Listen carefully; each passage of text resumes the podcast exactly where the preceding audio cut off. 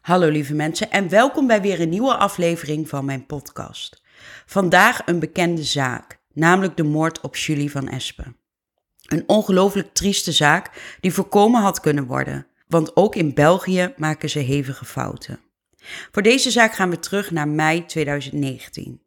Het is zaterdagavond 4 mei rond de klok van 10 uur 's avonds. Er komt bij de politie voorkempen een melding binnen. De 23-jarige Julie van Espen is vermist. Ze had om half zeven afgesproken met haar vriendinnen in Antwerpen, maar de jonge vrouw is nooit aangekomen. Diezelfde avond nog gaan agenten met een speurhond langs de vermoedelijke fietsroute van Julie. Ook haar familie en vrienden helpen mee met de zoektocht. Maar ondertussen wordt het al donker buiten en dat bemoeilijkt de zoektocht natuurlijk.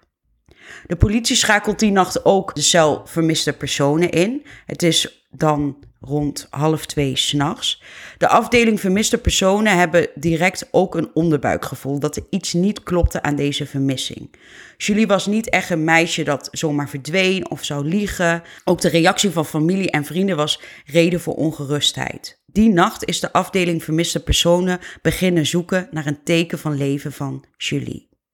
Toen ze in de vroege ochtend nog steeds geen nieuws hadden, vermoedden zij dat er echt iets ontzettend mis was. Dat er iets ergs gebeurd moest zijn.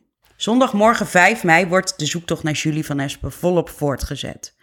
In de eerste plaats door politie en familie. Foto's van de jonge vrouw worden overal verspreid, zowel op straat en op social media.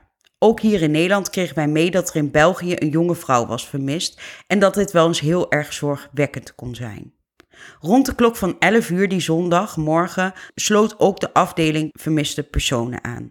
Alle middelen werden die zondag ingezet. Speurhonden, veel politie, een helikopter, duikers, sonarboten, noem het maar op. Ook worden er foto's van de fiets van Julie verspreid en deze hadden een bepaald fietsmandje. Zondagmiddag wordt er tussen de verschillende politieinstanties vergaderd en het was al vrij snel duidelijk dat het ernstig was en dat er iets ergs met Julie gebeurd moest zijn. Maar wat was het dan? Moord, een verkeersongeval, een ongeval met vluchtmisdrijf. Alle opties werden opengehouden op dat moment. Maar dan komt er die zondag informatie die de zaak helemaal op zijn kop zet. Want er worden kleren van Julie gevonden in de wei vlak bij het Albertkanaal. En dat is een belangrijk moment. Het vinden van kleding is natuurlijk geen goed teken. Bij de politie vervloog de hoop van een ongeluk. Vanaf toen ging de politie van een verdwijning naar een misdrijf. Een detail die erop wees dat het om een misdrijf zou gaan, is omdat er op de kleding bloed werd gevonden. Nou, voor de politie was het duidelijk dat het helemaal niet goed was. We zijn nog steeds op zondag 5 mei. Julie van Espen is dan één dag vermist en forensische opsporing komt dan ook ter plaatse. De mannen en vrouwen in witte pakken. Zij onderzochten de plek waar de spullen lagen en de spullen zelf. En misschien kunnen ze snel aanwijzingen en sporen vergaren, zodat ze weer een nieuwe aanwijzing zouden hebben waar Julie misschien zou kunnen zijn. Want Julie was natuurlijk nog steeds niet gevonden. Want ze moesten natuurlijk ook onderzoeken ook al wisten ze het voor 90, 99% zeker. Maar zijn dit daadwerkelijk de kleren van Julie? En het bloed wat gevonden is, is dit menselijk bloed of is het misschien dierlijk bloed? Nou, alles moet dan uitgezocht worden en onderzocht worden. En dingen moeten uitgesloten worden. Maar ter plaatse werd ook wel duidelijk dat het een ernstige zaak was. Forensische opsporing blijft op die plek. Er wordt ondertussen ook door heel veel mensen gezocht en er worden heel veel voorwerpen gevonden. De politie is eigenlijk daar ter plaatse als een filter. Uh, hebben de gevonden voorwerpen iets te maken met de zaak? En mocht dit wel zo zijn, dan kon de forensische opsporing hier direct weer mee aan de slag. Niet heel veel later na het aantreffen van de kleding wordt ook de fietsmand van Julie aangetroffen. Deze werd gevonden in een vuilnisbak. De spullen die gevonden worden, die met de zaak te maken hebben, worden gefotografeerd en verpakt. Ze worden dan weggebracht voor verder onderzoek. Ondertussen is de politie bezig met het checken van de camerabeelden in de buurt. Ze doen ook buurtonderzoek. De politie vindt camerabeelden vlak bij de plek waar haar kleding gevonden is. En op deze beelden ziet de politie Julie fietsen en even later verdween ze uit beeld. Dit maakt dat de politie een vertrekpunt had van waar ze konden zoeken. Maar er is meer. Niet alleen Julie wordt gezien op de camerabeelden, ook worden er beelden van een man gezien met het fietsmandje van Julie. De man had het mandje vast En de politie moest deze man vinden. De man droeg een grote rugzak. En deze man kon de politie natuurlijk belangrijke informatie geven. En op dat moment heeft de politie nog geen idee wie die man is. En de foto's werden in eerste instantie intern naar alle politiekorpsen in België gestuurd. Rechercheurs werken op dat moment dag en nacht. Ze blijven zoeken totdat ze Julie zouden vinden. Die nacht is de politie tot twee uur in de nacht blijven zoeken. Hoewel het zoeken in het donker natuurlijk, ja, dat, dat bemoeilijkt de zaak. In de nacht van zondag 5 mei op maandag 6 mei wordt er een opsporingsbericht verspreid van de man met het fietsmandje. Echter weten de mensen die het opsporingsbericht zien niet dat hij een fietsmandje van Julie vast heeft, want de politie heeft deze weggefotoshopt. De politie had daar namelijk twee redenen voor waarom ze dit gedaan hebben. Aan de ene kant wilden ze de man met het fietsmandje niet ongerust maken, want het kon ook zo zijn dat deze man het mandje ergens had opgepakt, uh, dat hij deze heeft weggegooid en dat hij volkomen onschuldig is. En een tweede reden was omdat de zaak zo groot was in België en heel veel mensen meezochten naar Julie en meeleefden met de familie, dat uh, stel dat de man het nou niet had gedaan, dat hij dan slachtoffer werd van een haatcampagne. Maandagochtend 6 mei, het opsporingsbericht van de man gaat heel België rond. De politie kreeg op dat moment meer dan 400 tips. Niet alleen werd hij herkend door, tussen haakjes, gewone mensen, ook binnen het politiekorps werd de man met het mandje herkend. En zo kreeg de man met het mandje een naam: Steve Bakelmans. In de loop van maandagochtend valt de politie een pand binnen. Daar wordt nog Bakelmans, nog Julie van Espen aangetroffen. Rond de klok van half tien op maandag 6 mei keert de politie terug met heel veel mankracht naar het Albertkanaal. En ze gaan opnieuw op zoek naar Julie. De politie weet ondertussen dat Bakelmans niet meer in Antwerpen is. Iets later in de voormiddag gaat bij de politie in Leuven de telefoon. De politie heeft via telefoononderzoek Bakelmans kunnen lokaliseren en hij zat in een trein. Direct worden er verschillende politieeenheden uit Leuven naar het treinstation gestuurd om daar Bakelmans op te pakken. Er was geen tijd om de operatie voor te bereiden, het moest in één keer goed gaan. De trein stopt op het station. Maar goed, de aangekomen politieeenheden hadden natuurlijk geen idee waar Bakelmans in dat treinstel zou zitten. Ze moesten dus de trein doorzoeken. Er stonden ook verschillende eenheden in de buurt klaar van de trein. De politie is binnengestapt en niemand zou de trein uitkomen zonder gecontroleerd te worden. De politie van Leuven moest met sumiere informatie doen. Ze wisten natuurlijk wel dat het iets te maken had met de zaak van Julie van Espen. Maar de toedracht of de rol van Bakelmans kenden ze op dat moment niet. Dat werd later pas duidelijk. En op een station en in een trein is het natuurlijk geen optimale locatie om een dergelijke uh, operatie uit te voeren. Want je zit ook met de veiligheid van passagiers die gewoon aan het reizen zijn. En je wil natuurlijk geen onschuldige mensen in gevaar brengen. Daarom moest ervoor gezorgd worden dat Bakelmans niet op de vlucht kon slaan. Uiteindelijk werd inderdaad Steve Bakelmans gearresteerd in de trein. Ondertussen gaat de zoektocht naar Julie onverminderd door, tot hij rond vijf uur op die middag nieuws binnenkomt. Slecht nieuws. Een sonarboot heeft het lichaam van Julie gevonden. Ongeveer op datzelfde moment dat het lichaam van Julie werd gevonden, gaat Steve Bakelmans in het verhoor. En daar legt hij direct bekentenissen af. Maar daarover later meer. Julie van Espen wordt in 1996 geboren. Het was een vrolijk kind en praatte ontzettend veel. Ze is ook ontzettend slim en leergierig. Maar ze was ook eigenzinnig en eigenwijs. Naarmate de kleine Julie ouder wordt, wordt ze ook een leider. En daar kwam ze achter toen ze bij de scouts ging. Op de middelbare school was Julie net als anderen een gewone puber. Ze hield van ongezond eten en alles wat pubers op de middelbare school doen. Toen ze in het derde leerjaar zat, besloot ze samen met haar zus te gaan voetballen. Haar vader was hun grootste fan.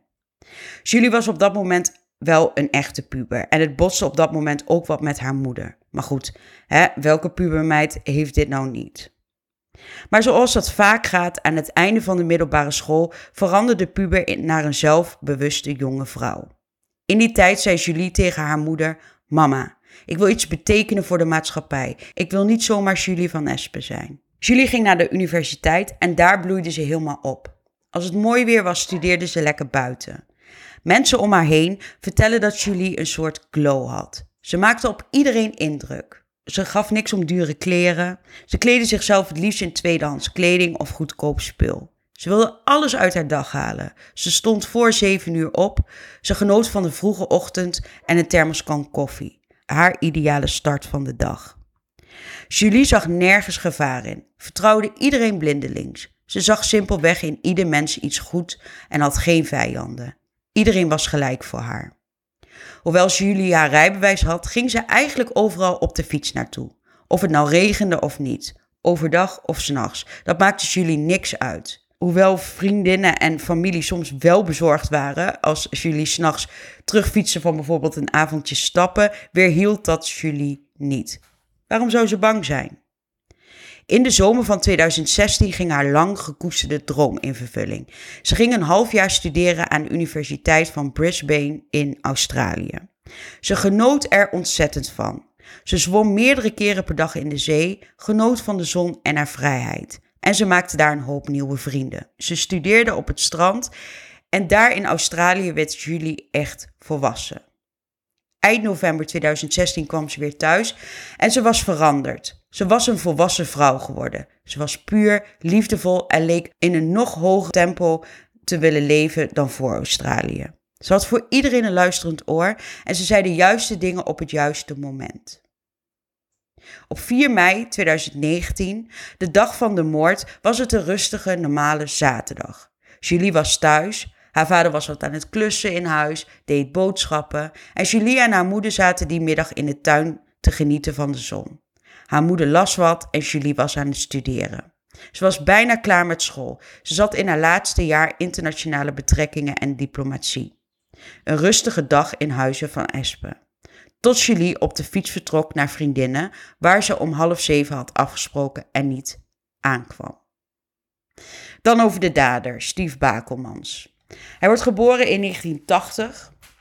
De gezinssituatie is een beetje complex. Hij woonde bij zijn ouders, maar dit waren niet zijn biologische ouders, want zijn vader is de broer van zijn biologische vader. Nou, afijn. Hij woont daar een tijdje en later woont Bakelmans bij zijn stiefopa en stiefoma. En daar wordt hij in zijn kinderjaren misbruikt door zijn stiefopa. Zijn vader vertelt dat Steve Bakelmans als kind echt al onhandelbaar is. Hij gaat eigenlijk van de ene jeugdinstelling naar de andere. Hij wordt in de ene instelling opgenomen en weer weggestuurd en dan begint het hele riedeltje weer opnieuw. Soms valt een diagnose zoals borderline en zijn ouders lopen eigenlijk psychologen en psychiaters plat. Het was geen doen ja, voor hen om ja, Steve Bakelmans te temmen of op te voeden. Het was gewoon, ja, als Bakelmans begin 20 is, komt hij voor het eerst in de gevangenis. Hij had een auto gestolen en hij is toen opgepakt door de politie. En hij werd ook beschuldigd van andere misdrijven. We gaan dan ehm, naar het jaar 2000. Op dat moment verachtte Bakelmans zijn familie en hij koos ervoor om op straat te gaan leven. Uh, er is wel ooit ook nog een aanklacht tegen zijn stiefopa ingediend wegens verkrachting, maar ja, hier kwam eigenlijk niks uit. En op 16 maart 2004 verkracht en berooft Steve Bakelmans een 58-jarige vrouw. Op dat moment is Bakelmans dakloos en het slachtoffer wilde hem helpen en nodigde Bakelmans thuis uit. Ze smeerde boterhammen voor hem en toen viel Bakelmans haar aan.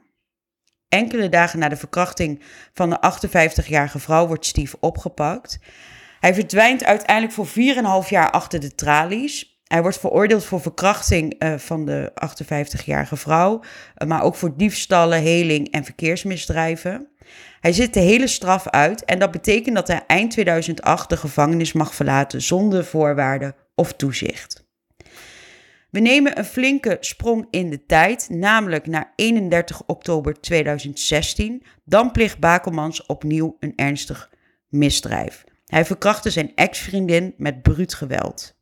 Na de verkrachting neemt hij haar portemonnee mee en probeert hij te pinnen met haar bankpas.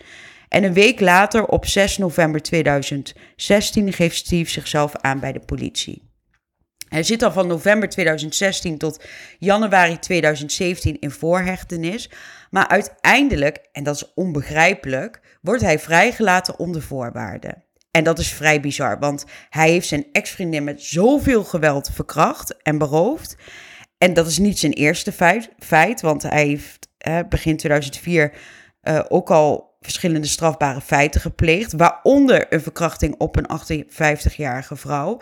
Het is onbegrijpelijk dat hij dan onder voorwaarden wordt vrijgelaten. Want er is zoveel indicatie dat hij vroeg of laat zich weer vergrijpt aan een vrouw of andere strafbare feiten pleegt. Hij wordt door de Belgische reclassering gevolgd, dat dan weer wel. En zij brengen op 7 april 2017 een verslag uit dat Bakelman zich goed aan zijn voorwaarden houdt. Um, ja, eigenlijk dat het heel goed gaat. Dus die controle van de Belgische reclassering blijkt dus ook maar van korte duur. Ze hebben blijkbaar erg veel vertrouwen in Bakelmans, want na een maand of drie na zijn vrijlating wordt beslist dat er geen verdere toezicht nodig is. En dat is een grote fout. Op 30 juni 2017 is er een vonnis in de zaak van de verkrachting van zijn ex-vriendin. Hij wordt wederom veroordeeld tot een gevangenisstraf van vier jaar.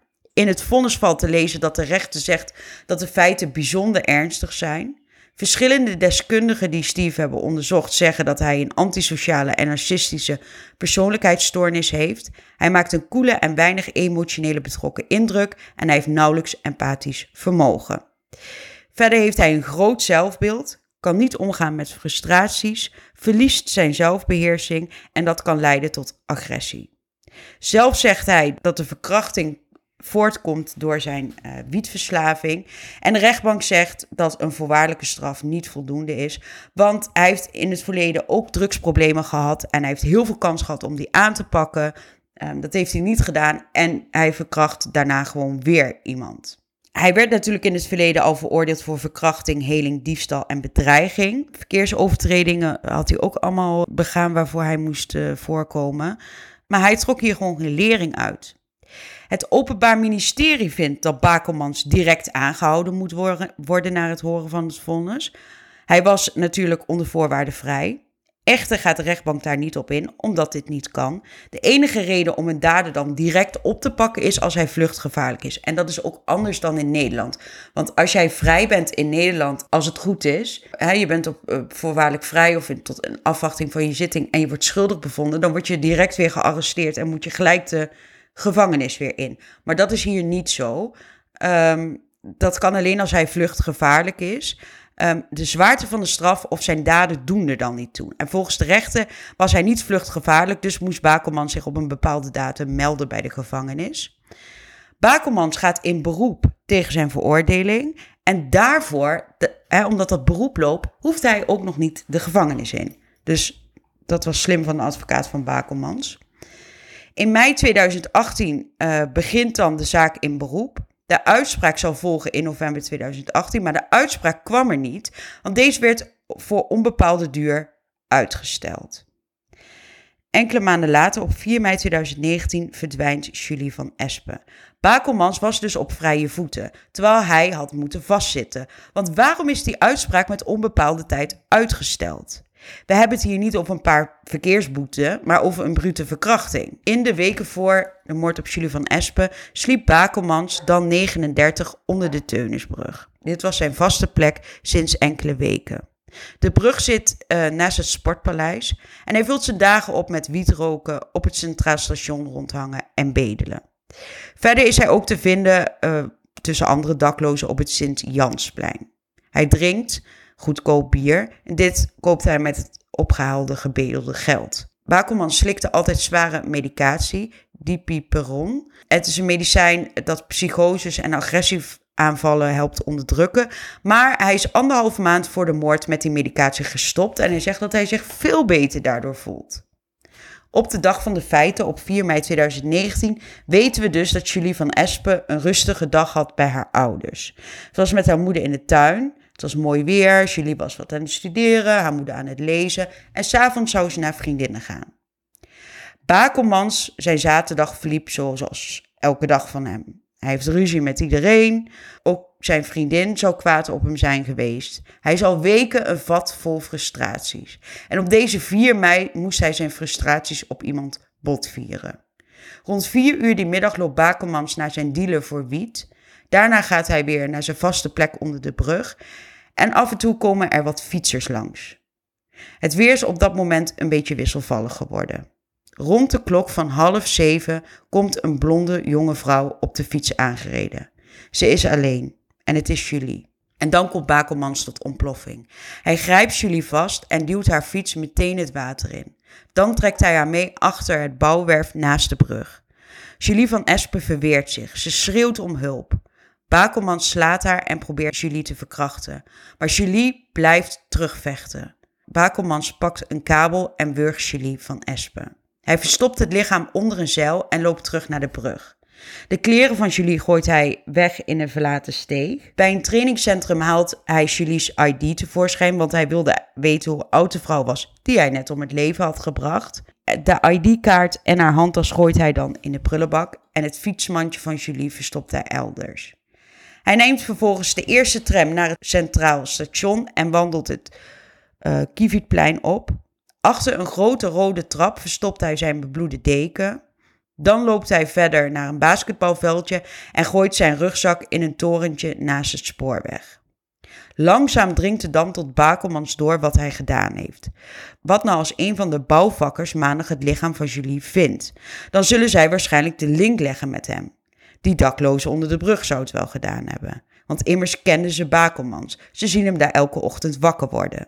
Het lichaam van Julie moest daar weg. Enkele uren later, wanneer het al donker is, neemt Bakelmans de tram terug naar de brug. Op dat moment komt er een politiewagen langs en nog iets later nog één. Ze zijn natuurlijk op dat moment al op zoek naar Julie. Bakelmans verstopt zich achter een uh, oever aan het Albertkanaal tot hij zich veilig genoeg voelt. Net wanneer hij het kanaal weer wil oversteken naar het bouwterrein, waar hij het lichaam van Julie heeft neergelegd, gaat de telefoon af van Julie. Die had hij blijkbaar nog in zijn zak zitten. Hij gooit de telefoon van Julie in het water. Hij is inmiddels aangekomen bij het lichaam van Julie. Hij verzwaart haar lichaam met een zak zand en gooit het lichaam van Julie uiteindelijk in het Albertkanaal. De nacht valt. Bakelmans loopt terug naar het Sint-Jansplein en legt zich neer op een bankje.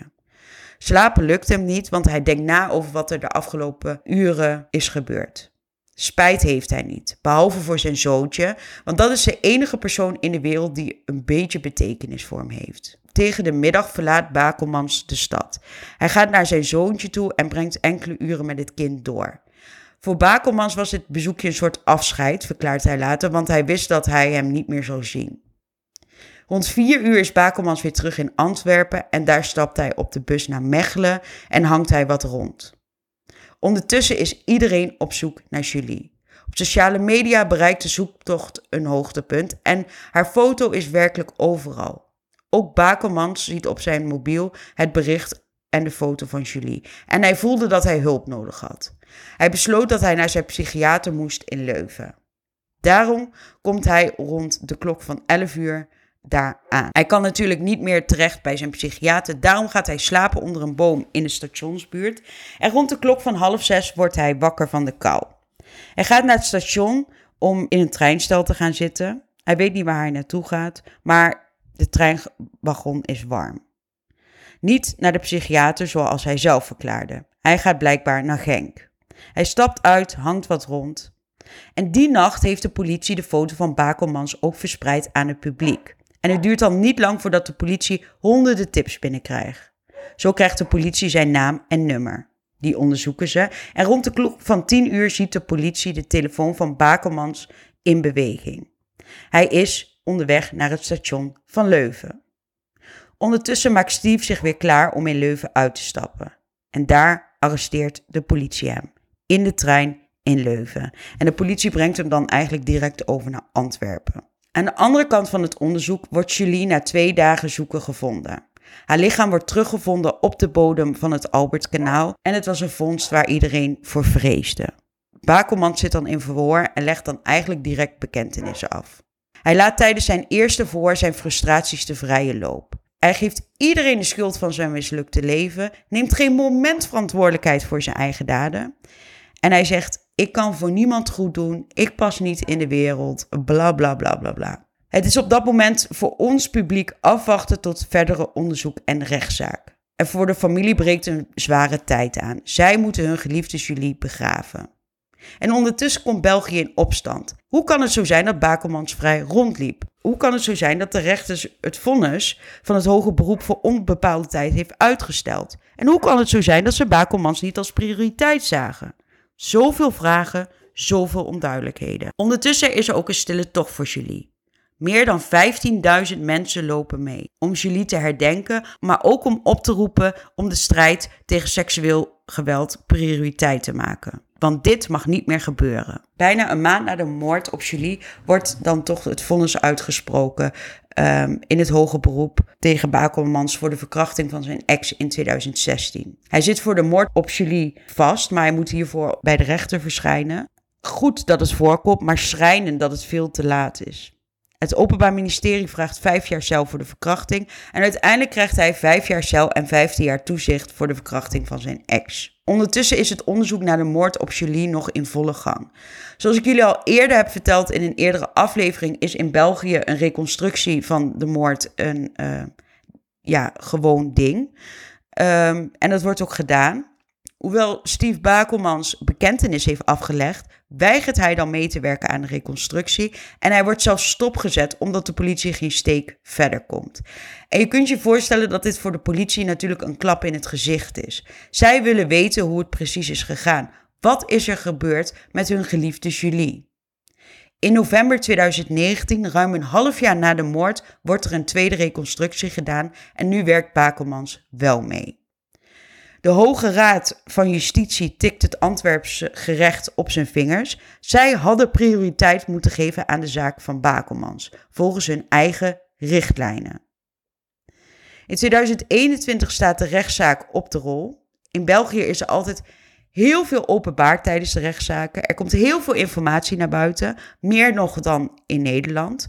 Maar de ouders van Julie hebben gevraagd of de zaak achter gesloten deuren mocht plaatsvinden, omdat er zoveel media-aandacht was en omdat hun dochter ook wel een beetje privacy verdient. En dit is toegestaan. De jury had vier uur nodig om de schuld van Bakelmans te bepalen. Bakelmans wordt veroordeeld voor de moord en verkrachting op Julie van Espen. Hij krijgt een levenslange gevangenisstraf en toezicht van 15 jaar. In Nederland was levenslang altijd levenslang. Nu verandert dat in Nederland ook, maar in België is levenslang geen levenslang. Maar er wordt wel vastgesteld dat hij eh, de eerste 20 jaar geen aanvraag voor vervroegde vrijlating mag doen. Dus hij zit sowieso 20 jaar vast. En daarna is nog maar de vraag um, wanneer zijn aanvraag wordt goedgekeurd.